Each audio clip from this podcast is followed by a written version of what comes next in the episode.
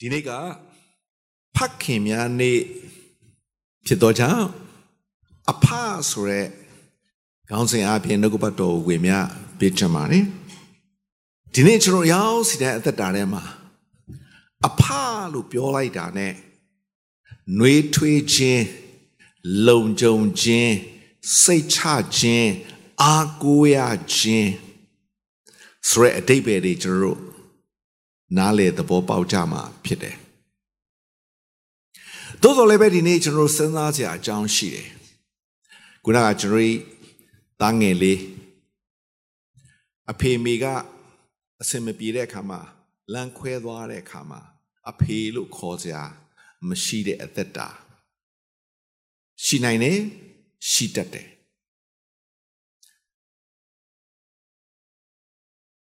သို့တော်လည်းပဲဒီနေ့ လို့ပြောလာတာ ਨੇ ဖန်ဆင်းရှင်ဖန်ဆင်းခံရကိုဒီနေ့ကျွန်တော်တို့နားလေသဘောပေါက်စေချင်တယ်ဖန်ဆင်းရှင်အဖရှိတယ်လို့ဖန်ဆင်းခံအဖဆိုတာရှိတယ်ဖန်ဆင်းခံထားရတဲ့အဖတွေကပြည့်စုံခြင်းမှပြည့်စုံမယ် အားကိုလို့ရခြင်းမှရမယ်စိတ်ချလို့ရခြင်းမှရမယ်ခေါ်ခွင့်ရခြင်းမှရမယ်သို့တော်လည်းပဲဖန်ဆင်းရှင်အဖကတော့လူတိုင်းနဲ့ဆိုင်တာဖြစ်တယ်လောကရဲ့ဖခင်မရှိတော့တော်လည်းပဲကောင်းကင်ဘုံအဖကကျွင်းအရာခတ်သိမ်းဖြစ်တယ် ဆိုတော့အေဖက်ဝရစာအခန်းကြီး၄အငယ်6ကိုပထမဦးဆုံးအနေနဲ့အခြေပြုကျမ်းချက်လေးဖတ်ချင်တယ်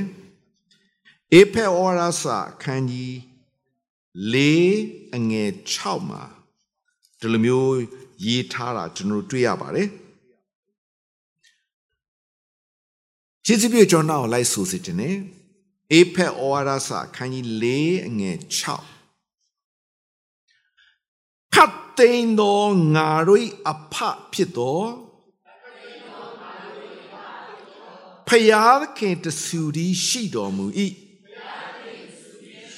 ထိုဖယားခင်သည်ခတ်သိမ်းသောငါတို့အပေါ်မှာရှိတော်မူ၏ခတ်သိမ်းသောငါတို့ကိုနှံ့ပြားတော်မူ၏ခတ်သိမ်းသောငါတို့အထဲ၌လည်းရှိတော်မူ၏ ဆိုတော့ဒီနေ့ဟာဒီနေရာမှာကျွန်တော်ဗာတွေ့ရလဲဆိုခတ်သိမ်းသောငါတို့အဖဆိုတဲ့စကားလုံးလေးနှလုံးသွင်းစေချင်တယ်ဘာဖလဲခတ်သိမ်းသောငါတို့အဖအဲ့ဒီအဖကဘသူရဲ့အဖလဲလူတိုင်းရဲ့အဖဖြစ်တယ် ခတ်သိမ်းသောငါတို့၏အဖအဲ့ဒီအဖကကျွန်တော်ကိုဖန်ဆင်းထားတဲ့အဖဖြစ်သောကြောင့်ကျွန်တော်ကိုတာဝန်ယူသောအဖကျွန်တော်အားကိုထိုက်တဲ့အဖဖြစ်တယ်အဲ့ဒီဖယားခင်ကတဲ့ငါတို့ခတ် သိမ်းသောငါတို့အပေါ်မှာရှိတယ်တဲ့ခတ်သိမ်းသောငါတို့ကိုနန့်ပြားတယ်ခတ်သိမ်းသောငါတို့အထဲ၌တဲ့ရှိတယ်တဲ့အဲကြောင့်အေမာနွေလဖယားကလေကျွန်တော်နဲ့အတူရှိတဲ့ဖယားကျွန်တော်အပေါ်မှာရှိတယ်ကျွန်တော်ကိုနန့်ပြားစေတယ်ကျွန်တော်အထဲမှာလည်းရှိတဲ့အဖဖြစ်တယ် အဲ့ဒီအဖကလေကျွန်တော်ဘယ်တော့မှမိဘမဲ့ဖြစ်စေခြင်းကမစွန့်ပစ်တော့အဖဖြစ်တယ်ဆိုတော့အဖလို့ပြောလိုက်တာ ਨੇ ဖာမဦးဆုံးဘာဝေမြပေးခြင်းလဲဆိုတော့ကောင်းကင်ဘုံအဖအကြောင်းကိုဖာမဦးဆုံးအချက်အနေနဲ့ဝေမျှပေးခြင်းတယ်။ဒါဒါဆိုရင်ဒီနေ့ဒီမှာရောက်လာတဲ့သူတွေအားလုံး online ကနေနားထောင်တဲ့သူတွေအားလုံးသူတို့မှာကောင်းကင်ဘုံအဖရှိလားသူတို့မှာကောင်းကင်ဘုံအဖရှိလားရှိတယ်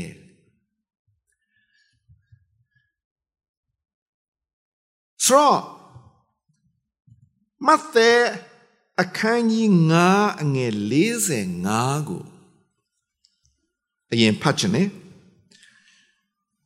မဿဲအခန်းကြီး9ငယ်45မှာ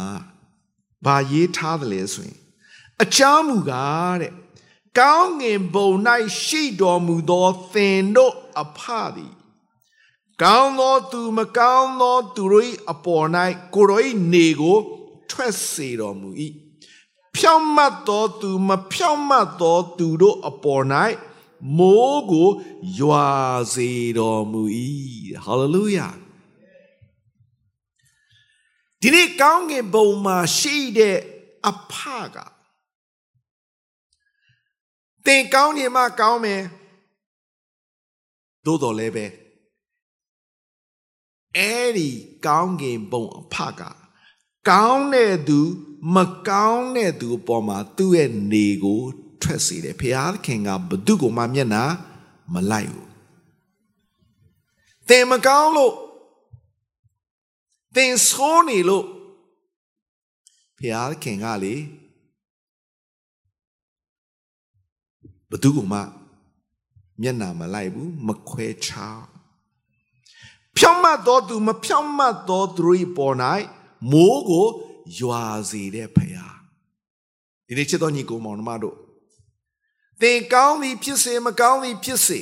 သင်ဆိုးသည်ဖြစ်စေမဆိုးသည်ဖြစ်စေ ဖရာရှင်ကလေသင်ကိုချစ်တယ်သင်ကိုတန်ဖိုးထားတယ်သင်ကိုမျက်နှိုးတယ်သူ့ရဲ့နေကိုထွက်စေတယ်သူ့ရဲ့မိုးကိုရွာစေတယ်ဖရာရှင်ကသင်ကိုဘယ်တော့မှမစွန့်ပစ်တဲ့ဖယားရှင်ဖြစ်တယ်။သင်ကိုတန်မိုးထားလို့ဘာကြောင့်လဲဆိုတော့သူ့ရဲ့ပုံသဏ္ဍာန်တော်နဲ့အညီသူ့သင်ကိုဖယားခင်ဖန်ဆင်းထားသောကြောင့် ဖယားရှင်သင်ကိုတန်မိုးထားတယ်။အဲ့တော့နေ့ဒီမှာရောက်လာတဲ့သူတွေအားလုံးသင်ကဖယားရှင်ပုံသဏ္ဍာန်တော်နဲ့အညီဖန်ဆင်းထားခြင်းခံထားရသောသူဖြစ်သောကြောင့်ဖယားရှင်သင်ကိုချစ်တယ်။ဖယားရှင်သင်ကိုတန်ဖိုးထားတယ်။ဖယားရှင်သင်ကိုမျက်နှိုးတယ်သင်ကောင်းနေမှကောင်းမယ်တို့လည်းဖះရှင်သင်ကိုယေရှုပြုတယ်သင်ကိုတန်ဖိုးထားတယ်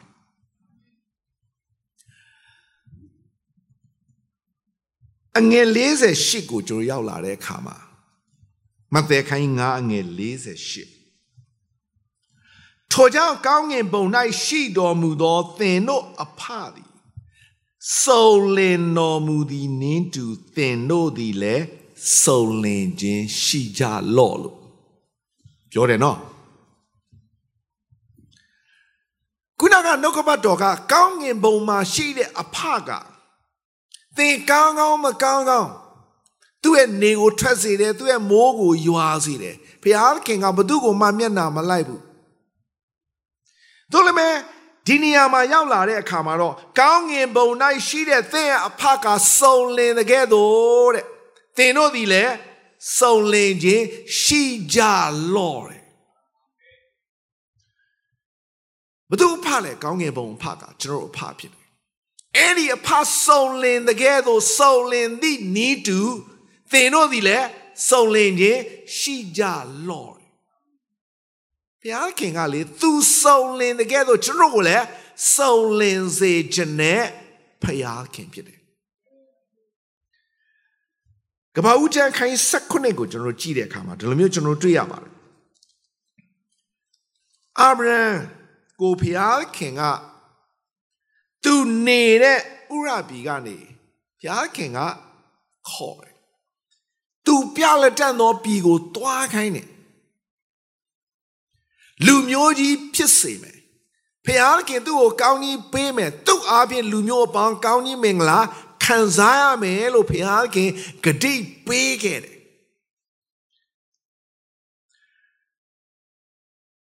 ကပ္ပဦးကျခိုင်း၁၉ကိုရောက်လာတဲ့အခါမှာတော့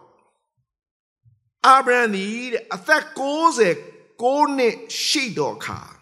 ထာဝရဘုရားသည်အာဗြဟံအားထင်ရှားတော်မူ၍ကျွန်တော်လိုက်ဆိုပေးပါငါသည်အနန္တတကိုရှင်ဘုရားခင်ဖြစ်၏ငါရှေ့မှာသွားလာ၍စုံလင်ခြင်းရှိလော့ဒီနေရာမှာ ငါရှေ့မှာသွားလာ၍စုံလင်ခြင်း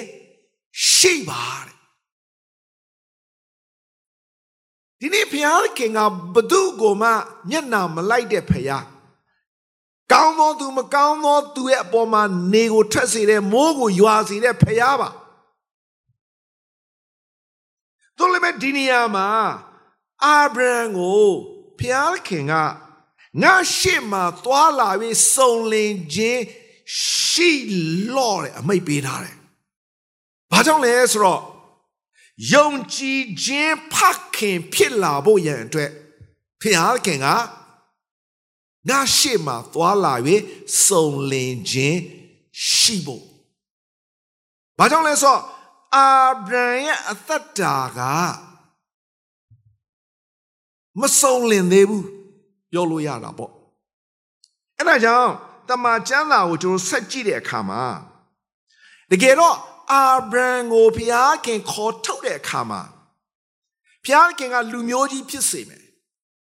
ဘုရားခင်ကသူ့ကိုကောင်းကြီးပေးမယ်သူ့အားဖြင့်လူတွေကောင်းကြီးမင်္ဂလာခံစားရမယ်ဟုတ်တယ်သူ့မဲ့ဘုရားခင်ကအာဗြဟံကနေအာဗြဟံ ဖြစ်လာဖို့ရန်အတွက်ဘုရားခင်ကငါရှေ့မှာသွားလာ၍စုံလင်ခြင်းရှိလော့အာဗြဟံဆိုတဲ့အဓိပ္ပာယ်ကချီးမြှောက်ခြင်းခံရသောဖခင်လို့အဓိပ္ပာယ်ရှိတယ်ဟေဘဲလူမျိုးများရဲ့ဖခင်ဆိုတဲ့အဓိပ္ပာယ်ရှိတယ်တကယ်နဲ့ဘုရားခင်ကသူ့ကိုချီးမြှောက်နေတာ သို့တော်လည်းပဲဘုရားခင်ကအဲ့ဒီအာဗြဟံကနေအာဗြဟံဖြစ်လာဖို့အဲ့နောက်ပိုင်းမှာကျွန်တော်ကြည့်တဲ့အခါမှာအငယ်လေးငါးကိုကျွန်တော်ဖတ်ပြခြင်းနဲ့ငါပြုတ်သောပဋိညာဉ်သည်သင်၌ရှိ၏ဘုရားခင်ကသူ့ကိုပဋိညာဉ်ပြုတ်ထားတယ်ငါကောင်းကြီးပေးမယ်လူမျိုးကြီးကိုဖြစ်စေမယ် သင်အားဖြင့်လူတွေကောင်းကြီးမင်္ဂလာခံစားရမယ်ဘုရားခင်ပဋိညာဉ်ပြုတ်ခြင်းရှိတယ်သင်ဒီလူမျိုးအများတို့အဘဖြစ်လိမ့်မည်တဲ့သင်ကလူမျိုးအများတို့အဘ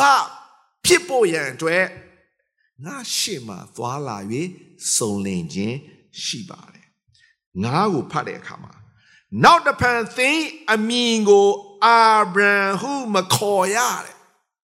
ကျွန်တော်လိုက်ဆိုရအောင်သင်အမည်ကိုအာဗြဟံဟုခေါ်ရ၏အကြောင်းမူကားငါသည်သင်ကိုများစွာသောလူအမျိုးတို့၏အဖအရာ၌ခံထားပြီတဲ့ဟာလေလုယာဆိုတော့ဒီနေရာမှာအာဗြဟံကနေအာဗြဟံသူရဲ့အာဗြဟံရဲ့အတိတ်ပဲကဘာလဲဆိုတော့ သင်ကိုများစွာသော လူအမျိုးတို့၏အဖဘသူခံလဲဖယားခံတာခုနကတော့ချီးမြှောက်ခြင်းခံရတဲ့အဖအဲ့ဒီချီးမြှောက်ခြင်းခံရတဲ့အဖကနေလူမျိုးအများတို့အဖဘုရားခင်ကဖြစ်စေချင်တာ တနည်းအားဖြင့်ဘာနာလေစေချင်လဲဆိုတော့ကျွန်တော်ရောက်စီတိုင်းအသက်တာထဲမှာဘုရားခင်ချီးမြှောက်ခြင်းရှိတယ်ဘုရားခင်ချီးမြှောက်ခြင်းခံရတယ်ကိုတယောက်အတွက်ကိုရဲ့မိသားစုအတွက်လောက်ပဲမဟုတ်ဘူးလူမျိုးအများကြီးအဘဘုရားခင်ကဖြစ်စေချင်တာ အဲကြောင့်နှုတ်ကပတ်တော်ကသင့်အားဖြင့်လူမျိုးအပေါင်းကောင်းကြီးမင်္ဂလာခံစားရမယ်။ဘာလဲလို့ကျွန်တော်နားလည်ဖို့ရန်အတွက်အာဗြဟံကလူမျိုးအများကြီးအဘဖြစ်စေတဲ့အရာကဘာလဲဆိုတော့ယုံကြည်ခြင်းဖခင်ဖြစ်တော်ကြောင့်ဖြစ်တယ်ယုံကြည်ခြင်းဖခင်ဖြစ်လာတဲ့အခါမှာတော့အာဗြဟံရဲ့ယုံကြည်ခြင်းအားဖြင့်မဖြစ်နိုင်တဲ့အရာ မတတ်နိုင်တဲ့အရာတခုမှမရှိတော့ဟေဘရဲဝါစာခိုင်း7ကိုကျွန်တော်တို့ကြည့်တဲ့အခါမှာဒီလိုမျိုးကျွန်တော်တို့တွေ့ရပါတယ်နည်းနည်းလေးကျွန်တော်ဖတ်ပြချင်တယ်ဟေဘရဲဝါစာအခန်းကြီး7အငယ်8ကနေကျွန်တော်ဆက်ဖတ်တယ်အာဗြဟံသည်အမွေခံရလက်တန့်သောပြည်သို့ထွက်သွားမိအကြောင်းဖျားခင်ခေါ်တော်မူသောအခါ သူသည်အဘယ်အရသို့သွားသည်ကို ကိုယ်တိုင်မသိပဲလျက်ကျွန်တော်လိုက်ဆိုရအောင်ယုံကြည်ခြင်းအားဖြင့်နားထောင်၍ထွက်သွားလေ၏ဆိုဒီနေရာမှာ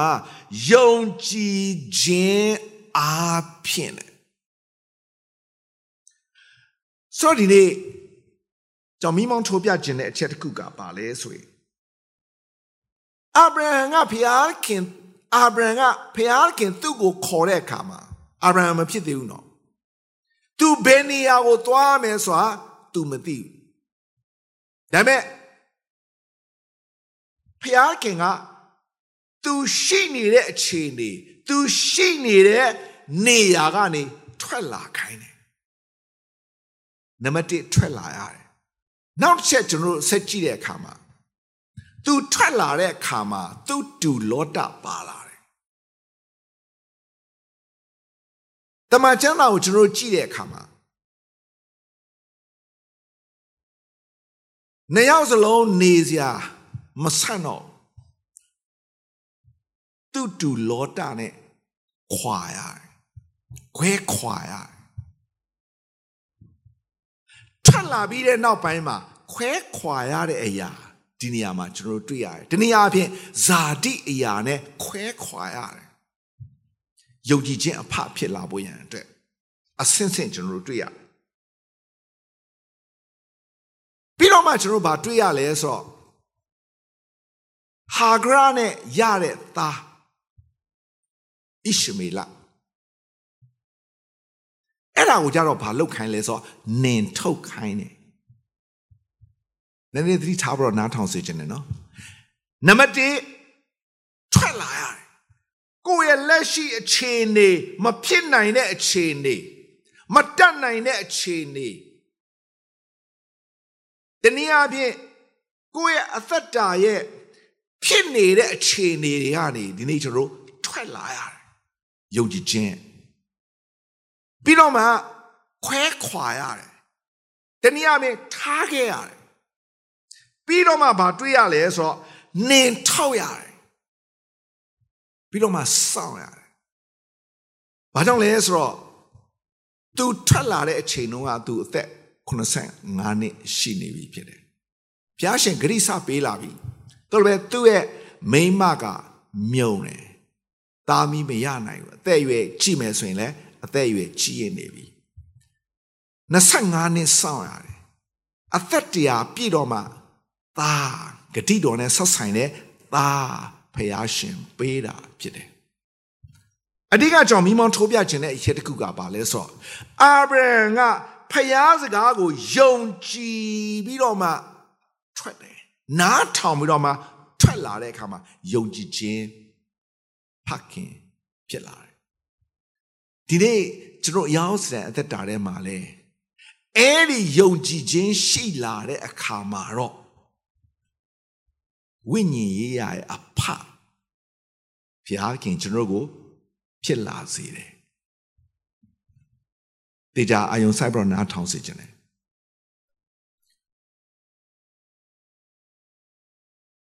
သုံးရောအခန်းကြီး1နည်းနည်းလေးကြည့်အောင်သုံးရောအခန်းကြီး1 အငယ်3နဲ့4ကိုနည်းနည်းလေးဖတ်ပြခြင်းတယ်သင်သည်တမန်တရား၌ကျင်လေသည့်အတိုင်းသင်၌ရှိသောတမာတရား၏အကြောင်းကိုညီကိုတို့သည်လာ၍သက်သေခံကြသောအခါငါသည်အလွန်ဝမ်းမြောက်ခြင်းရှိ၏ကျွန်တော်လိုက်ဆိုရအောင်ငါ၏သားသမီးတို့သည်တမာတရား၌ရှင်လေသည်ကိုငါကြား၍ ဝမ်းမြောက်ခြင်းထက်သာ၍ဝမ်းမြောက်ခြင်းမရှိစဒီနေရာမှာယောဟန်ကငါ၏သားသမီးတွေတဲ့တမာတရား၌ကျင်လေတယ်ဆိုတာငါကြားတဲ့အခါမှာအဲ့ဒီဝမ်းမြောက်ခြင်းထက်သာ၍ဝမ်းမြောက်ခြင်းမရှိဘူးတဲ့ငါရဲ့သားသမီးလို့ပြောတယ်ဒါဆိုရင်ဘာသားသမီးလဲအဲ့ဒါဝိညာဉ်သားသမီးတွေ တမာတရား၌ကျင်လေတယ်ဒါဆိုရင်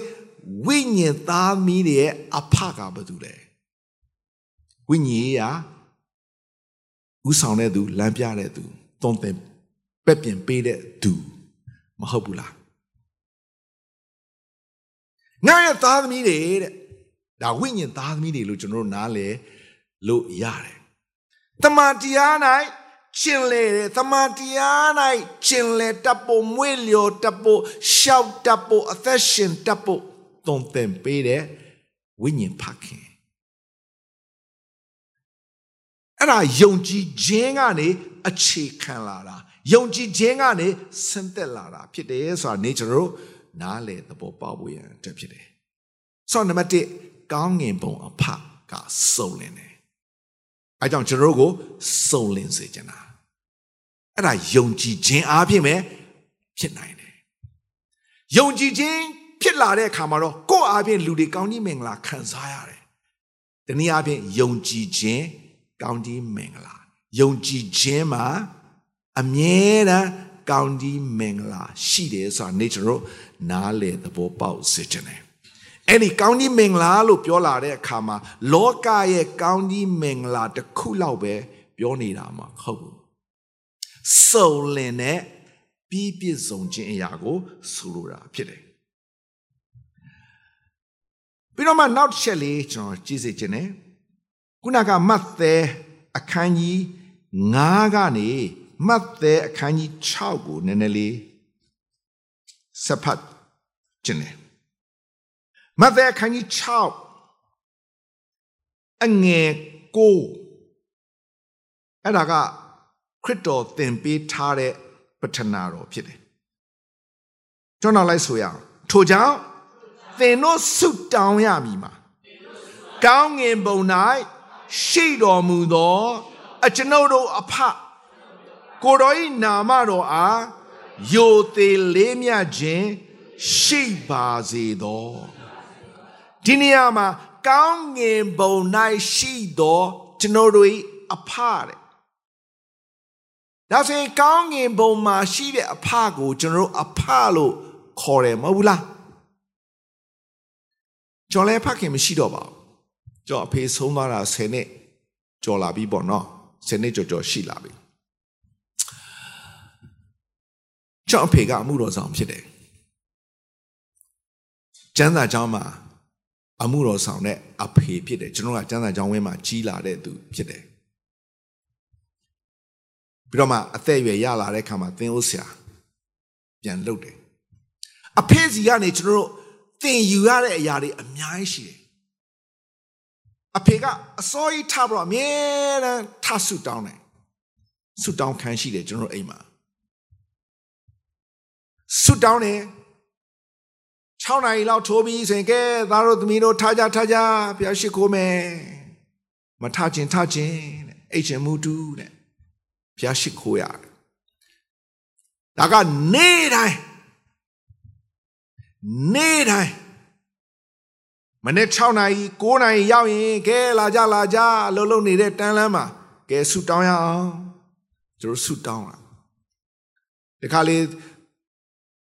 သူသွားဒီသားဟိုသွားဒီသားဒါပေမဲ့ရှိတဲ့လူနဲ့ဆူတောင်းတယ်12နာရီထိုးတာနဲ့ကဲလာကြဆူတောင်းမယ်3နာရီထိုးရင် ဆူတောင်းတယ်ည6နာရီဆူတောင်းတယ်ပြီးရင်အိတ်ကြပေါ့အဖေကအမြဲတမ်းကျန်းစာဖတ်အဖေကလည်းသမားဖြစ်တယ်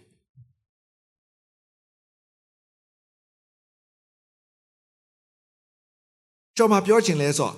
အဲ့ဒီအဖေရဲ့အမွေအားဖြင့်ဒီနေ့ သူ့ရဲ့သားသမီးတွေအားလုံးကသူ့နေရာနဲ့သူသူ့နေရာနဲ့သူ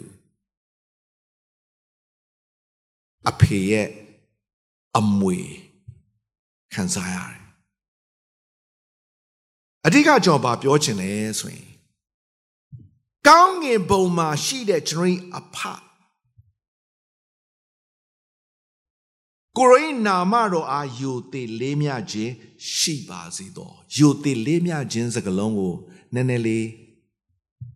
ပြောပြချင်တယ်တခါတခါကျွန်တော်အသက်တာထဲမှာဖခင်ကကျွန်တော်အဖဖြစ်တော်လဲပဲအဲ့ဒီကောင်းငင်ဘုံအဖကိုကျွန်တော်တို့မယိုသေးဘူးမလေးစားဘူးမာလခိနာဂတိကျမ်းကိုကျွန်တော်ကြည့်တဲ့အခါမှာဒီလိုမျိုးကျွန်တော်တွေ့ရပါတယ်။ နည်းနည်းလေးဖတ်ပြခြင်းတယ်မာလခိနာဂတိကျမ်းခန်းကြီး1အဲ့ဒီမတ်သဲရဲ့အရှိနာလေးမှာပဲအငယ်6ကိုကျွန်တော်ကြည့်တဲ့အခါသားသည်အဘကိုယိုသေးတတ်၏ကျွန်သည်သခင်ကိုကြောက်ရွံ့တတ်၏ငါသည်အဘမှန်လျင်ငါကိုအဘယ်သူယိုသေးသနည်း သခင်မှန်ရင်အဘယ်သူကြောက်ရွံ့တဲ့နေဟုကောင်းငင်ပိုးကြီးအရှင်ထာဝရဖေဟာဒီနာမတော်ကို မထိမဲ့မြင်ပြုသောယစ်ပရောဟိတ်တို့အားမေးတော်မူ၏တဲ့။ဆိုဒီနေရာမှာသားကအဘကိုယိုသေးတတ်တယ်တဲ့။ကျွန်ကသခင်ကိုကြောက်ရွံ့တတ်တယ်။ငါကအဘမှန်တယ်ဆိုရင်ငါကိုအဘယ်သူယိုသေးသနည်းတဲ့ ဒီနေ့ကျွန်တော်ကဖျားခင်သားသမီးတွေမဟုတ်ဘူးလား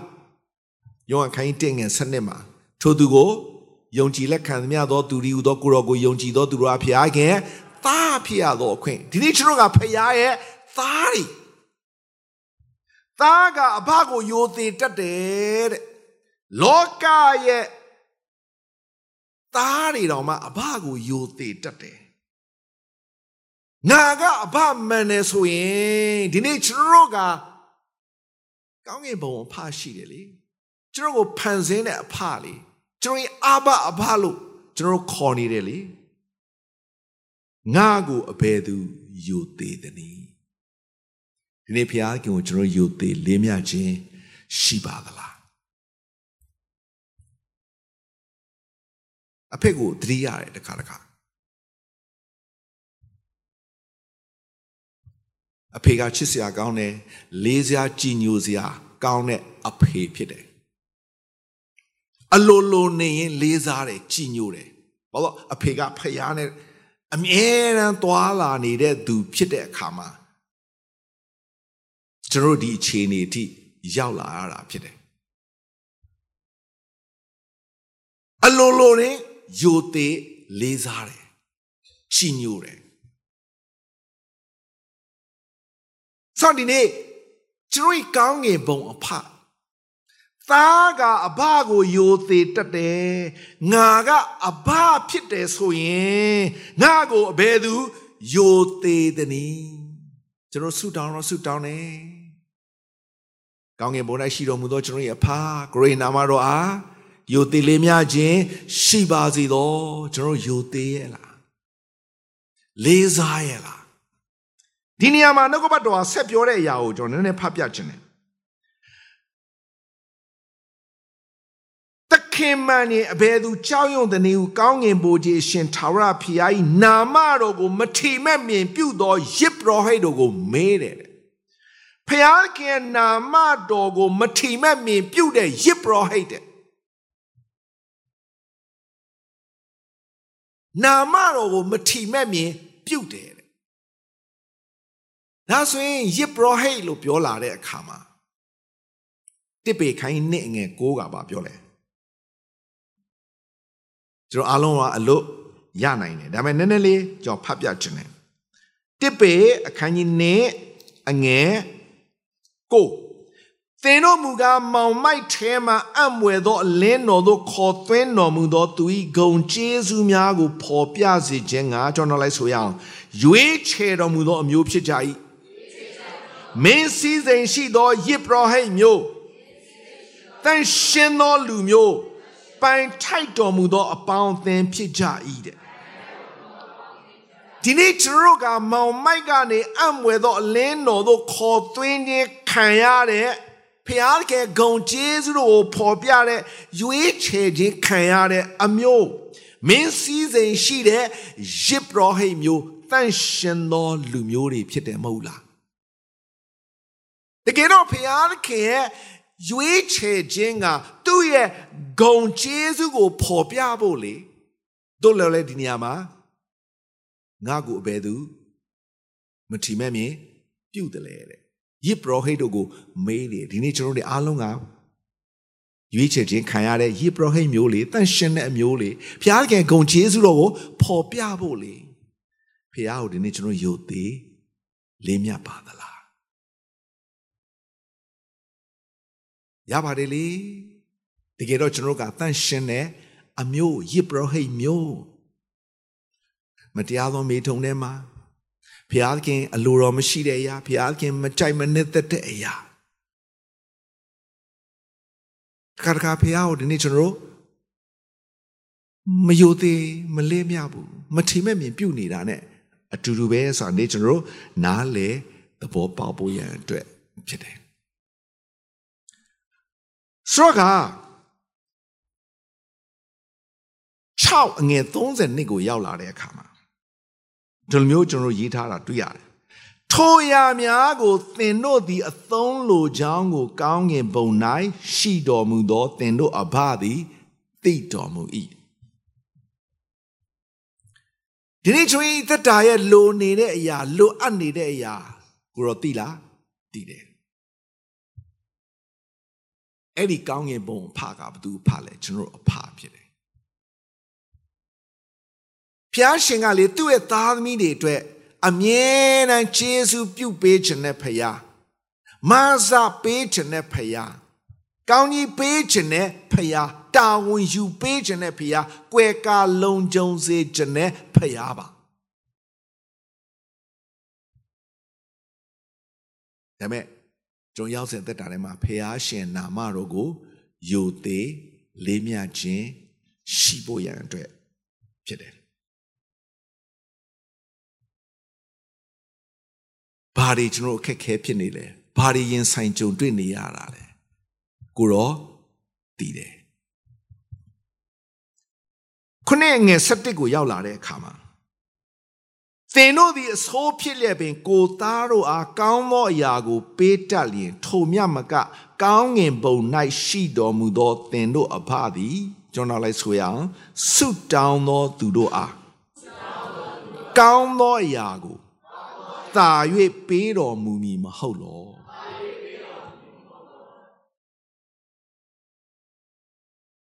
သင်တို့သည်အဆိုးဖြစ်လက်ပင်ကိုယ်သားတို့ကိုကောင်းသောအရာပေးတတ်သေးတယ်ဆိုရင် ကောင်းငင်ပုံ၌ရှိတဲ့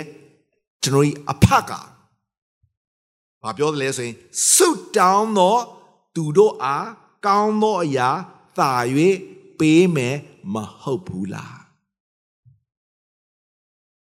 ဖျားရှင်ကလေသူ့သားသမီးတွေအတွက်ကောင်းသောအရာကိုပေးချင်တာဒါပေမဲ့ကျွန်တော်တို့ကလေ တခါတခါစုမတောင်းခြင်းဘူးစုတောင်းတဲ့သူတွေကိုတဲ့ကောင်းသောအရာဖျားကသာ၍ဝေးချင်တာအဲကြောင့်ဖျားကပြောပြီးလေငါ့ကိုတောင်းလို့လူမျိုးမျိုးတို့အား သိန်းအမွေဥစ္စာဖို့ငါပေးမယ်တဲ့အကျဉ်သူသည်ငါ၌တည်၍ငါစကားသည်သင်တို့၌တည်လင်သင်တို့သည်တောင်းကျင်သည်များတို့ကိုတောင်း၍ရကြလိမ့်မည်သင်တို့သည်ဝမ်းမြောက်စရာအကြောင်းစုံလင်စေခြင်းကတောင်းကြလို့ထို့သောတောင်းလင်ရကြလိမ့်မယ်တဲ့ဆုတောင်းတဲ့သူတွေကိုတဲ့ဖခင်ကတာ၍ကောင်းသောအရာပေးခြင်းနဲ့ဖယားရှင်ဖြစ်တယ် ဒီနေ့ဖယားသားမီးဆိုတာလေဆုတောင်းခြင်းဆိုတာကျွန်တော်အားလုံးသိတယ်လေနော်သင်တန်းသားတွေဆိုရင်စပြီးတော့သင်ရပြီလို့ထင်တယ်ဖယားခင်ရဲ့စကားပြောတာလေဖျားခင်နဲ့စကားပြောတယ်ဆိုတာဖျားခင်နဲ့ယင်းနီးအကျွမ်းဝင်မိတ်သားရဖွဲ့ခြင်းရှိလာတဲ့အခါမှာကိုကတောင်းတော့မတောင်းသေးဘူးအဖေကသိနေပြီသိနေပြီမိဘတွေရှိတဲ့သားသမီးတွေအားလုံးစင်သိတယ် ကျော်သမီးငယ်စဉ်တစ်ခါတစ်ခါအဲ့လိုမျိုးပေါ့သူလိုတဲ့အရာရှိလာတယ်တစ်ခါတစ်ခါ तू ကဗမာလူတောင်းကောင်းမတတ်ဘူး तू ကသူ့အမေစီမှာသွားသင်ပြီးမှအဖေကိုလာပြောတာပြည့်စီလာပြီစဉ်တည်ပြီနော်တခုခု तू လိုပြီဆိုတာနော် तू တောင်းချင်နေပြီဆိုတာသိတယ်အဖေကလည်းပေးချင်နေတာနော်မတောင်းငင်ကလေးကပေးချင်နေတာ तू ပြောပေးလိုက်ရ ဆိုတော့ဒီနေ့ကျွန်တော်မှာကောင်းငင်ဘုံအဖရှိတယ်အဘအဖကျွန်တော်မှာရှိတယ်ဆုတောင်းတဲ့သူတွေဘုရားခင်ကကျွန်တော်လိုတဲ့အရာဘုရားခင်သိတယ်လေထိုအရာမျိုးသင်တို့အသုံးလိုတယ်ဆိုတာကောင်းငင်ဘုံနဲ့ရှိတဲ့တို့ဘာသိပြီးသားပါဒါပေမဲ့ဆုတောင်းတဲ့သူတွေအတွက်ကြတော့ကောင်းသောအရာကိုသာ၍ပေးမယ်ဘုရားရှင်ဖြစ်တယ် ဆုတောင်းဖို့ဘယ်တော့မှဖခင်အောင်အာမနာနဲ့ဆုတောင်းပါဆုတောင်းခြင်းဆိုတာဖခင်ကိုကြားပြောစေခြင်းပဲခုနကပိုင်ပိုင်ဆုတောင်းတယ်မဟုတ်လားငါတို့ဖခင်ကကောင်းငင်ပုံ၌ရှိတဲ့ဖခင်လေကျွန်တော်ဆုတောင်းတဲ့အရာကိုကိုတော့ကြားတယ်ကိုတော့ပြုတ်ပေးမှာဖြစ်တယ်ဖခင်ကိုကျွန်တော်ဆုတောင်းတဲ့အခါမှာ ကိုယ့်ရဲ့အတ္တအတွက်တောင်းတာမှမဟုတ်ပဲတောင်းဖို့မှမဟုတ်ပဲဘုရားခင်မကြိုက်မနစ်တဲ့ကျွန်တော်တောင်းတာမှမဟုတ်ပဲနော်ဒီကိုယ့်အသက်တာရဲ့ရင်ဆိုင်ကြုံတွေ့နေရတဲ့အရာကြီးမားသောယူပါယုံကြီးမားတဲ့အရာကိုဒီနေ့ကျွန်တော်တို့ကိုတော့ကိုတောင်းနေတာလေဘုရားရှင်တာ၍ပေးမယ်မဟုတ်ဘူးလားနော်ဒီနေ့ဆရာဒေးဗစ်လားကျွန်တော်တို့ကတော့ဝေမျှတဲ့အခါမှာ ဒီနေ့ကျွန်တော်တက်တာမှာရှေ့ဘာဖြစ်လာမလဲကျွန်တော်မသိပါဘူး။ဒါပေမဲ့ဘုရားကကျွန်တော်တို့ပြင်ဆင်ထားပြီးသားလူမျက်စိပြမြင်နားနဲ့မကြားစိတ်နှလုံးနဲ့မကြံစီသေးဘူး။တန်ရှင်သောဝိညာဉ်တော်အပြင်ဘုရားကကျွန်တော်ကိုဖွင့်ပြနေတာပေါ်ပြနေတာ။ကိုရောကိုကြားပြောဖို့ရန်အတွက်ပဲဖြစ်တယ်။မမိသားတော်ရင်ကုန်တော်မှမနှမျောပဲစွန့်တဲ့သူကသားတော်တို့ခတ်သိမ်းသောအရာကိုကျွန်တော်ကိုမပေးပဲမနေဘူးတဲ့။ဒါက ကောင်းငင်ပုံနဲ့ရှိတဲ့ကျွန်တော်တို့အဖဒါလူတိုင်းရဲ့အဖဖြစ်တယ်ကျွန်တော်ရဲ့အဖဖြစ်တယ်ဒုတိယစကားလုံးလေးတစ်ခုကဘာလဲဆိုရင်မုတာရဲ့အဖဆိုတာလည်းရှိပြန်မုတာဆိုတာလိန်လေလက်စားခြင်း ခုနကကောင်းငင်ဘုံအဖကဖန်ဆင်းရှင်အဖအဘအဖဒါပေမဲ့မုတ်တာရဲ့အဘကြတော့ဖန်ဆင်းခံထားရတဲ့အဘသူကလိန်လေလက်စားဖို့ယောဟန်အခန်းကြီး၈အငယ်44ကိုနည်းနည်းလေးကြည့်အောင်ယောဟန်အခန်းကြီး၈အငယ်44ကျွန်တော်အားလုံးဖတ်ပူပါတယ်ကျွန်တော်အားလုံးသိပါတယ် ကျွန်တော်လိုက်ဆိုရအောင်သင်တို့သည်သင်တို့၏အဘဒီဟုသောမာရဏမှဆင်းသက်ကြ၏သင်တို့၏အဘအလိုတို့လည်းလိုက်တကြ၏မာရဏသည်ရှေးဥစွာမှစ၍လူအသက်ကိုသတ်တော်သူဖြစ်၏သူ၌သစ္စာတရားမရှိသောကြောင့်သစ္စာတရား၌မတီမနေသူသည်မှုသာစကားကို ပြောသောအခါ မိမိပဂတိအတိုင်းပြော၏မုသာစကား၌ကျင်လေသောသူဖြစ်၏မုသာဤအဘလည်းဖြစ်၏ဘာတူလဲစာတန်စာတန်ကမုသာအဘနော်တစ်ချိန်လုံးလိန်လေလက်စားနေတဲ့သူနော်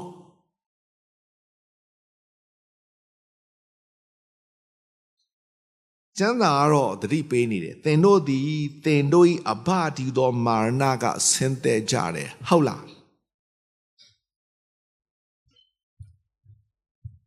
ကျွန်တော်အရင်ဆုံးကောင်းငယ်ပုံကိုဖတ်အောင်ရင်ပြောတာနော်ကဘာဦးကျန်ခိုင်းတင့်ငယ်26ကဖျားခင်ကငါတို့ပုံသဏ္ဍာန်နဲ့အညီလူကိုဖန်ဆင်းကြစို့ တယ်။ဒါဆိုကျွန်တော်ရင်းမြစ်ကဘယ်ရလဲ။ဖျားခင်လေကောင်းငင်ဘုံကိုဖလေတို့လည်းဒီနေ့မုဒ္ဒါအဘဒီဟူသောမာရဏကဖန်ဆင်းခံဖျားခင်ကို ပုံကန်တဲ့အခါမှာကြာသွားတဲ့လူစီဖာအဲကြောင့်သူက တစ်ချိန်လုံးလိန်လေလက်စားဖို့မှုတာရဲ့အဖဖြစ်တယ်အဲကြောင့်စာရမဏကိုလေဒီနေ့ကျွန်တော်ဘယ်တော့မှအခွင့်မပေးမိဖို့တတိပေးနိုးစော်ပြရစီကျွန်တော်သိတယ်ခိုးမယ်တတ်မယ်ဖြက်စီးမယ်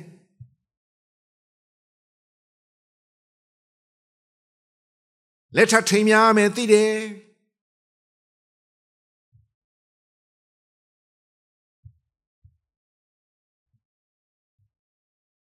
တမန်ကျမ်းစာထဲမှာထိန်များစုံဖက်တယ်ဆိုတဲ့စကားလုံးလေးသုံးထားတာကျွန်တော်တို့တွေ့ရတယ်ဆရာယူဒတန်က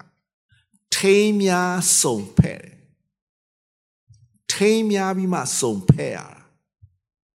တခါတခါစာနမာနကလေလက်စားတယ်သားသမီးတွေ တမန်တရားလမ်းထဲမှာမလျှောက်တအောင်မလျှောက်နိုင်အောင်နီလန်းမျိုးမျိုးနဲ့မိသားစုတွေတခါတခါမိတ်ဆွေတွေအမတန်ချစ်ခင်ရင်းနှီးကျွမ်းဝင်တဲ့နောက်ကြတော့စာတန်လှုပ်ထက်လိုက်တာ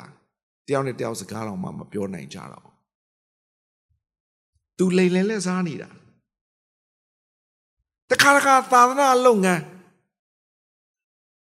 တခါတခါကျွန်တော်ချမ်းမာရေးကိုခိုးတယ် ကျွန်တော်သတိထားကြည့်တယ်ဟိုတလောတော့ကျော်စီပိုက်တက်ထားတဲ့အခါမှာတော်တော်လေးနေဖို့ထိုင်ဖို့အဆင်မပြေဘူးအဲ့ကြောင့်ကျမ်းစာဖတ်ဖို့ခါတိုင်းလိုထိုင်ပြီးတော့ဖတ်လို့မှအဆင်မပြေပဲကိုစင်ကျင်သားရကိုဖတ်ရှုထားတဲ့အရာကိုပြန်ပြီးတော့စင်ကျင်ဒီလောက်ပဲရှိတယ်ဒါတော့မှလေအားမလို့အားမရဖြစ်တယ်ပြောချင်တာတစ်ခါတခါစာရမဏက တွေးချမ်းမာရေးကိုလည်းဘာဖြစ်လဲခိုးတယ်ဒါကဖျားကကျွန်တော်ချမ်းမာစေချင်တာလေမဟုတ်လားအချင်းချစ်သူအရာရာ၌သင်သည်ဘာလဲ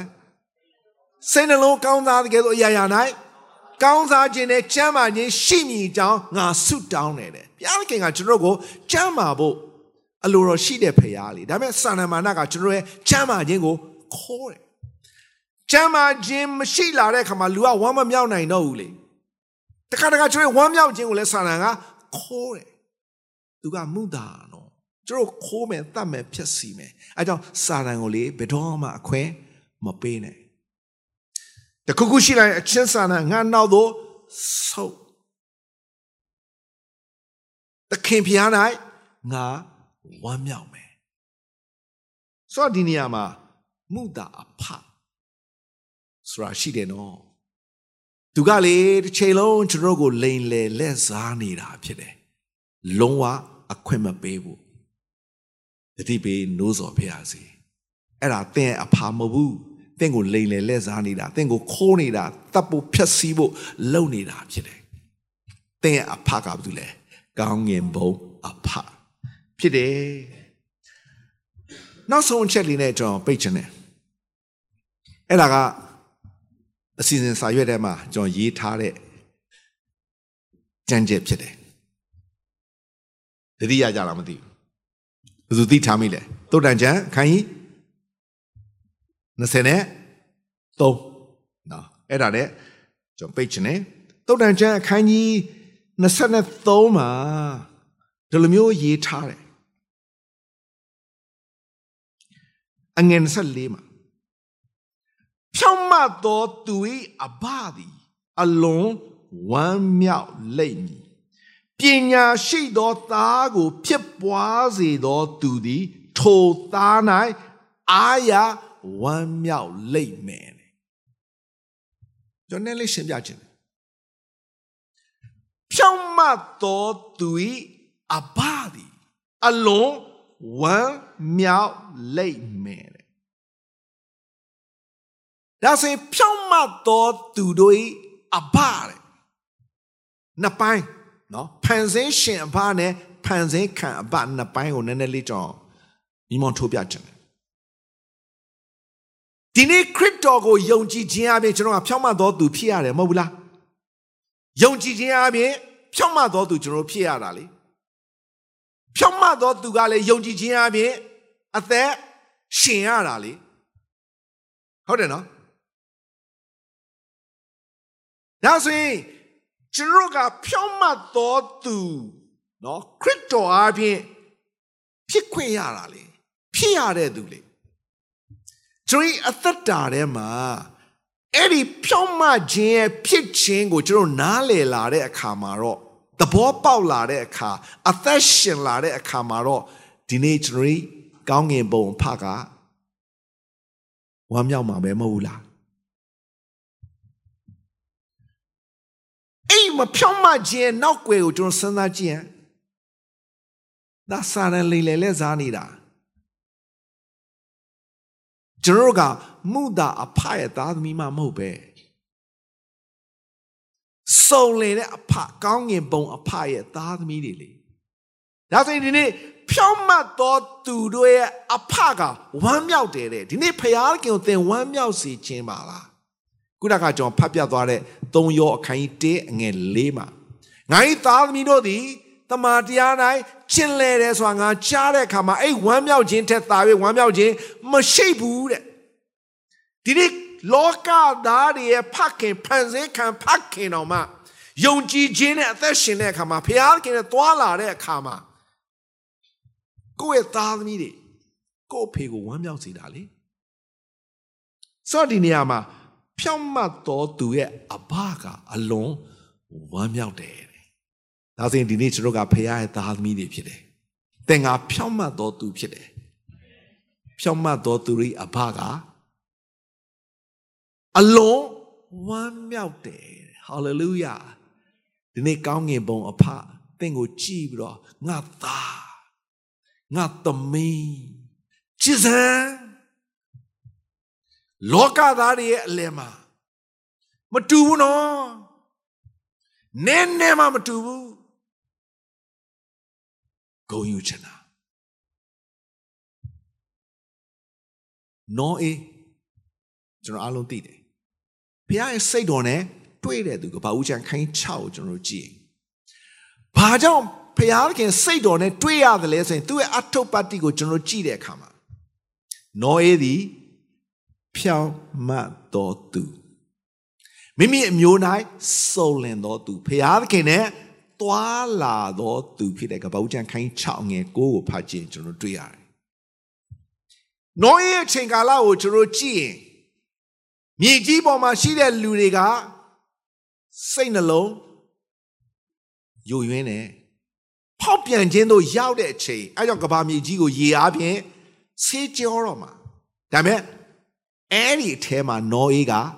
ဖခင်ရဲ့စိတ်တော်နဲ့တွေ့တယ်ယုံကြည်ခြင်းမရှိရင်ဘုရားရဲ့စိတ်တော်နဲ့မတွေ့နိုင်တဲ့ဟေဘဲဝရစာခိုင်း7ငယ်6မှာလေဒါဆိုရင်နောအေအထုပ်ပါတိကိုကျွန်တော်ကြည့်တဲ့အခါမှာဖြောင်းမတ်တော်သူဘာကြောင့်လဲ तू ကယုံကြည်ခြင်းရှိတဲ့သူဖြစ်လို့ဒါဆိုရင်ဒီနေ့ကျွန်တော်ကိုယုံကြည်ခြင်းရှိလာတဲ့အခါမှာ သင်ယုံကြည်ခြင်းရှိရင်သင်လည်းယုံကြည်ခြင်းရဲ့အဖဖြစ်လာတယ်လေမဟုတ်လားဒါဆိုရင်သင်ဒီဖြောင့်မတ်တော်သူဖြစ်တယ်လေဖြောင့်မတ်တော်သူဖြစ်တဲ့အခါမှာသင်ရဲ့အဖဖန်ဆင်းခံအဖပဲပြောပြောသင်ကအဖေဖြစ်တဲ့အခါမှာသင်ကဖြောင့်မတ်သူဖြစ်တဲ့အခါမှာသင်ရဲ့အဖေကဝမ်းမြောက်မှာမဟုတ်ဘူးလားအဲ့တော့နေဖခင်တွေအားလုံးလို့ဆိုချင်တယ် သင်ကဖြောင့်မတ်တော်သူဖြစ်တယ်သင်အားဖြင့်သင်အဖအလွန်ဝမ်းမြောက်တာဖြစ်တယ်။သင်ကသားသမီးဖြစ်တဲ့အခါမှာသင်ကဖြောင့်မတ်သောသူဖြစ်လာတဲ့အခါမှာခုနကအဖေကနားမလည်နိုင်ဘူးမကောင်းမှုဖြစ်နိုင်တယ်ဒါပေမဲ့သင်ရဲ့ အသက်တာအပြင်သင်ရဲ့ဖြောင့်မတ်ခြင်းယုံကြည်ခြင်းအပြင်သင်အဖကအလွန်ဝမ်းမြောက်တယ်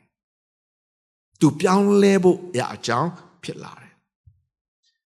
ပြီးတော့မှနောက်တစ်ခုကဘာတွေးရလဲဆိုတော့ပညာရှိသောသားကို ဖြစ်ပွားစေသောသူသည်တဲ့ထိုသား၌အာရဝမ်းမြောက်လိမ့်မယ် ပညာမဲ့ကဲ့သို့မဟုတ်ပညာရှိကဲ့သို့စစ်စစ်မြင့်မြင့်ကျင့်ဆောင်မိအကြောင်းတတိပြုကြလော့ယခုနေ့ရဲ့ကာလတို့သည်ဆိုးရုပ်သောကြောင့်ကာလအချိန်ကိုရွေးနှုတ်ကြလော့ထို့ကြောင့်တတိမရှိသောသူမဖြစ်သခင်ဖျားရဲ့အလိုတော်ရှိရာကိုပိုင်းခြား၍သိတော်သူဖြစ်ကြလော့စောဒီနေရာမှာပညာ ရှိတော်သားတဲ့။ဘာလဲပညာရှိတဲ့သားဒီကျွန်တော်ဖះသားမဟုတ်ဘူးလားဖះသားမဟုတ်ဘူးလားဒါဆိုရင်ပညာရှိတဲ့သားဆိုရင်အဘကိုဘာဖြစ်စေလဲထိုသား၌အာရဝမ်းမြောက်တာတဲ့အာရတဲ့အဖေကသူ့သားအတွက် အာရဝမ်းမြောက်နေတာဒါဆိုရင်ပညာလို့ပြောလာတဲ့အခါမှာဘာကိုပြောတာလဲယောဘဝတ္ထုအခန်း28အငယ်28ကိုတစ်ချက်လောက်ကြည့်အောင်ယောဘဝတ္ထုခိုင်း28အငယ်28ကျွန်တော်လိုက်ဆိုရအောင်လူတို့အားလည်းထာဝရဘုရားကိုကြောက်ရွံ့ခြင်းသည်ပညာဖြစ်ကြောင်းနဲ့ ဒုစရိုက်ကိုရှောင်ခြင်းသည်ဉာဏ်ဖြစ်ကြောင်းကို မိတ်တော်မူပြီဟုမွဲ့ဆို၏ဆိုဒီနေရာမှာလူတို့အားလေလူတွေကိုပြောတာဖြစ်တယ်ထာဝရဘုရားကိုကြောက်ရွံ့ခြင်းကပညာဘာပြောလဲဘုရားကိုကြောက်ရွံ့ခြင်းကပညာဆိုတော့ဒီနေရာမှာ ပညာရှိသောသားကို ဖြစ်ပွားစေတဲ့သူသင်ကအဖေဖြစ်တယ်ဆိုရင်ပညာရှိတဲ့သားကို ဖြစ်ပွားစေတဲ့သူကကျမ်းစာမှာပြောလဲထိုသား၌အာရဝမ်းမြောက်စေတယ်ဒီနေ့ပညာရှိသောသားကို ဖြစ်ပွားစေတဲ့သူများ ဖြစ်အောင်တနည်းအားဖြင့်ဘုရားသခင်ကိုကြောက်ရွံ့ခြင်းတမန်တရားလမ်းထဲမှာအသက်ရှင်သောဖခင်များအသက်ရှင်သောသူများဖြစ်ရင်ကိုယ့်ရဲ့အဖကိုအာရဝမ်းမြောက်စေတယ်။ကောင်းငင်ဘုံအဖကတာ၍အာရဝမ်းမြောက်စေမှာမဟုတ်ဘူးလား။ဒါငါသား ဒါငါသမီးဖြစ်တယ်ဆိုတာနေဒီနှုတ်ကပတော်အပြင်နှိုးဆော်ချင်တာဖြစ်တယ်။ကျွန်တော်လို့ခဏလောက်မတိရပြီးတော့မှဒီနေ့ကျွန်တော်တို့မှာကောင်းငင်ဘုံအဖခေါ်ရတဲ့အခွင့်ရသောကြောင့်ဘုရားခင်ကိုကျေးဇူးတင်အောင်လောကရဲ့အဖမရှိတော့ကောင်းရှိနေလိမ့်မယ် တို့လည်းပဲဒီနေ့ကောင်းငင်ဘုံအဖရှိတယ်အဘအဖလို့နေ့တိုင်းကျွန်တော်တို့ခေါ်ခွင့်ရှိတယ်ဆုတောင်းပါကျွန်တော်ဆုတောင်းတဲ့အခါမှာကောင်းငင်ဘုံ၌ရှိတော်မူသောကျွန်တော်တို့အဖအဖေဘုရားသခင်လို့ကျွန်တော်တို့ခေါ်တာအဲ့ဒါဘယ်သူဖလဲကျွန်တော်ရဲ့အဖဖြစ်တယ်အဲ့တော့ကိုရောကျေးဇူးတင်အောင်အဲ့ဒီအဖကလေသင်ကောင်းကောင်းမကောင်းကောင်းသူ့ရဲ့နေကိုထွက်စီတယ်သူ့ရဲ့မိုးကိုရွာစီတယ်သင်ကိုခြေဆုပ်ပြုခြင်းတယ်သူစုံလင်တယ်သင်ကိုလည်းစုံလင်စေခြင်းနဲ့ဖယားရှင်ဖြစ်တယ်သူ့ကိုယိုသေးပါသူ့ကိုလေးစားပါအဖေကိုလေးစားရင်လေအခု အဖေကိုတတိယရင်ခြေဆုပ်ပြုရှိဆုတောင်းပေးပါခြေဆုပ်ပြုစရာရှိတာလေခြေဆုပ်ပြုပါမဆပါကိုညင်ပါဝိညာဉ်အဖရှိတယ်တင့်ကိုသမာတရားလမ်းထဲမှာအသက်ရှင်တတ်ဖို့ရတဲ့အမြဲတမ်းသုံးသင်လမ်းပြနေတဲ့သူဖြစ်တယ်သူ့ကိုကျေးဇူးပြုပါဆုတောင်းပေးပါသူ့ကိုဂုဏ်ပြုပါသူ့ကိုလေးစားပါပြောပြခြင်းတယ်ကောင်းငင်ဘုံဖကတာ၍ယူတည်လေးများဖို့ရန်အတွက်ဖြစ်တယ် အဖေသိတယ်တဲ့လိုအပ်ချက်တယ်သင်ဘာဖြစ်နေလဲအဖေသိတယ်သူ့ကိုဆွတောင်းတဲ့သူကိုတာ၍ကောင်းတဲ့အရာပေးချင်တဲ့အဖေဖြစ်တယ်မုသာအဖကိုတော့သင်လုံးဝအခွင့်မပေးနဲ့သူလက်စားနေတာဖြစ်တယ်ဒီနေ့ဖြောင့်မတ်သောသူတို့အဖကအလွန်ဝမ်းမြောက်နေတာဖြစ်တယ်ပညာရှိသောသားကိုဖြစ်ပွားစေတဲ့သူကထိုသား၌အာရဝမ်းမြောက်တာဖြစ်တယ်အဲ့တော့နေ အရာအောင်ဆန်တက်တာထဲမှာဒီနေ့ဖះရှင်သားသမီးများဖြစ်ရခြင်းအတွက်ကိုရောယေရှုတင်အောင်အဘအဖလို့ခေါ်ရခြင်းခွင့်တဲ့ယေရှုတင်တယ်အဲ့အဖကပြည့်စုံတယ်အဲ့အဖကကျွန်တော်ယေရှုပြုနေတာကျွန်တော်မဆာနေတာကျွန်တော်ကောင်းကြီးပေးနေတာကျွန်တော်ကွယ်ကာနေတာဖြစ်တယ်အဖကိုဒီနေ့ကျွန်တော်ဝမ်းမြောက်စေရအောင်ကောင်းငင်ဘုံဖကိုဝမ်းမြောက်စေရအောင်ဖန်ဆင်းရှင်အဖကိုဝမ်းမြောက်စေရအောင်ဖန်ဆင်းခံထားတဲ့အဖကျွန်တော်ဖြစ်ခဲ့သည်ရှိတော့ ဒါပေမဲ့ကျွန်တော်ကအဖေဖြစ်ခဲ့သည်ရှိတော့ကျွန်တော်ကသားသမီးတွေဖြစ်ခဲ့သည်ရှိတော့အဖကိုဒီနေ့ကျွန်တော်ဝမ်းမြောက်စေရအောင်တမန်တရားလမ်းထဲမှာကျင့်လည်တဲ့အခါမှာအဖကဝမ်းမြောက်တယ်တဲ့အဲ့ဒီဝမ်းမြောက်ခြင်းတက်သား၍ဝမ်းမြောက်ခြင်းမရှိဘူးတဲ့ဒီနေ့ကျွန်တော်အသက်တာထဲမှာကောင်းငင်ဘုံအဖလောကရဲ့အဖကျွန်တော်ဝိညာဉ်ရဲ့အဖကိုဒီနေ့ကျွန်တော်ဝမ်းမြောက်စေတော်သူများဖြစ်ဖို့အသက်တာများစက္ကအနံပြီးတော့မှဒီနေ့ဥပြုကိုယ်ဝဲခြင်းအစီအစဉ်ကိုကျွန်တော်ရုပ်သိမ်းအောင် ဘုရားရှင်ကိုစကားပြောရအောင်အသက်တာကိုဆက်ကရအောင်ဟာလေလုယာယေရှုတင်တဲ့ဖေယားနေနှုတ်ကပတ်တော်အပြင်ကျွန်တော်စကားပြောနေတော့ကြောင့်ကိုရောယေရှုတင်တယ်ဒီနေ့ကောင်းငင်ဘုံအဖခေါ်ခွင့်ရတော့ကြောင့်ကိုရောယေရှုတင်တယ်ကျွန်တော်ရဲ့ဖကစုံလင်တယ်ကျွန်တော်အဖကကောင်းမြတ်တယ်ကျွန်တော်ရဲ့ဖကကျွန်တော်ယေရှုပြုတယ်ကျွန်တော်ကွယ်ကာနေတယ်ကျွန်တော်လုံခြုံတယ်ကျွန်တော်တာဝန်ယူနေတယ် ယေရှုတင်တယ်ဖေယားဒီနေ့အဖစုံလင်တဲ့ကဲတော့ကျွန်တော်စုံလင်စေချင်တာဖေယားအဖေနဲ့တူစေချင်တဲ့ကောင်းငင်ဘုံအဖဖြစ်တယ်ယေရှုတင်တယ်ဖေယားကျွန်တော်တုံတင်လမ်းပြသောကြောင့်ခရုယေရှုတင်တယ်ဒီနေ့မူသားအဖကတစ်ချိန်လုံးလိမ်လည်လက်စားနေတာဖြစ်တယ်ဒါကြောင့်ဒီနေ့စာရမဏကိုလုံးဝအခွင့်မပေးမိဖို့နှုတ်ကပတ်တော်အပြင်ကျွန်တော်ပြန်ပြီးတော့မှတတိပေးနိုးဆိုသောအရာအတွက်ခရုယေရှုတင်တယ် ဖြောင့်မတ်တော်သူတွေဖတ်ကအလွန်ဝမ်းမြောက်ပါမယ်ဒီနေ့ကျွန်တော်ရောက်စင်အသက်တာထဲမှာသခင်ယေရှုခရစ်တော်အပြင်ဖြောင့်မတ်တော်သူများဖြစ်ရခြင်းအတွက်နာမတော်ကိုချီးမွမ်းတယ်။ဒီကြောင့်ကျွန်တော်ရောက်စင်အသက်တာထဲမှာဖြောင့်မတ်တော်သူများဖြစ်ရခြင်းခွင့်နဲ့အတူဒီနေ့ကျွန်တော်ကောင်းငင်ပုံဖကျွန်တော်လောကရဲ့ဖခင်ကိုဒီဝမ်းမြောက်စေသောအလုံးဝမ်းမြောက်စေရသောသားသမီးများအရောက်ဆိုင်ဖြစ်စေတော်မူပါပညာမဲ့ကဲ့သို့ပညာ မဲ့ကဲ့သို့မဟုတ်ပညာရှိကဲ့သို့စစ်စစ်မြင့်မြင့်ကျင့်ဆောင်မြင်ကြောင်းတတိပြုဖျားသခင်ကိုကြောက်ရွံ့ခြင်းကပညာဖြစ်တယ်ထို့ကြောင့်ဒီနေ့ဖျားသခင်ကကျွန်တော်ကိုအားရဝမ်းမြောက်စေခြင်းတာဂုဏ်ယူစေခြင်းနဲ့ဖျားသခင်ဖြစ်တယ်ဒါကြောင့်ဒီနေ့မိသက်တာအသစ်တစ်ပတ်ပြန်လဲဆက်ကအနန္တသားမီးအားလို့အသက်တာထဲမှာဒီမြေကြီးပေါ်မှာဘုရားခင်ထားတဲ့အသက်တာထားတဲ့အခိုက်အတန့်တဲမှာကိုရဘုံဘုရားရှင်အလိုတော်ကိုဆောင်တော်ဘုရားသားမီးများအရောက်ဆိုင်ဖြစ်ရပါမည်အကြောင်းသက်တာနဲ့ရှင်တိုင်းအလုံးစုံလက်တော်သူအနန္တတဲ့အခါမှာ တော်မာစီဖြစ်တော်မူသောဖခင်မဲတော်ရဲ့မေတ္တာတော်သားတော်သခင်ရှုခရစ်တော်ရဲ့ကျေးဇူးတော်နဲ့သရှင်တော်ဝိညာဉ်တော်ရဲ့လမ်းပြခြင်းတုံသင်ခြင်းပက်ပြင်ခြင်းသည်ယနေ့ညလာဥပြုကိုကြသောညီကိုမောင်နှမအယောက်ဆန်အပေါ်သို့၎င်းထွတ်ပြဖခင်များအယောက်ဆန်အပေါ်သို့၎င်းယခုမှစ၍ကာလအစဉ်ဆက်ဒီရှိတည်နေပါစေသောအာမင်အာမင်အာ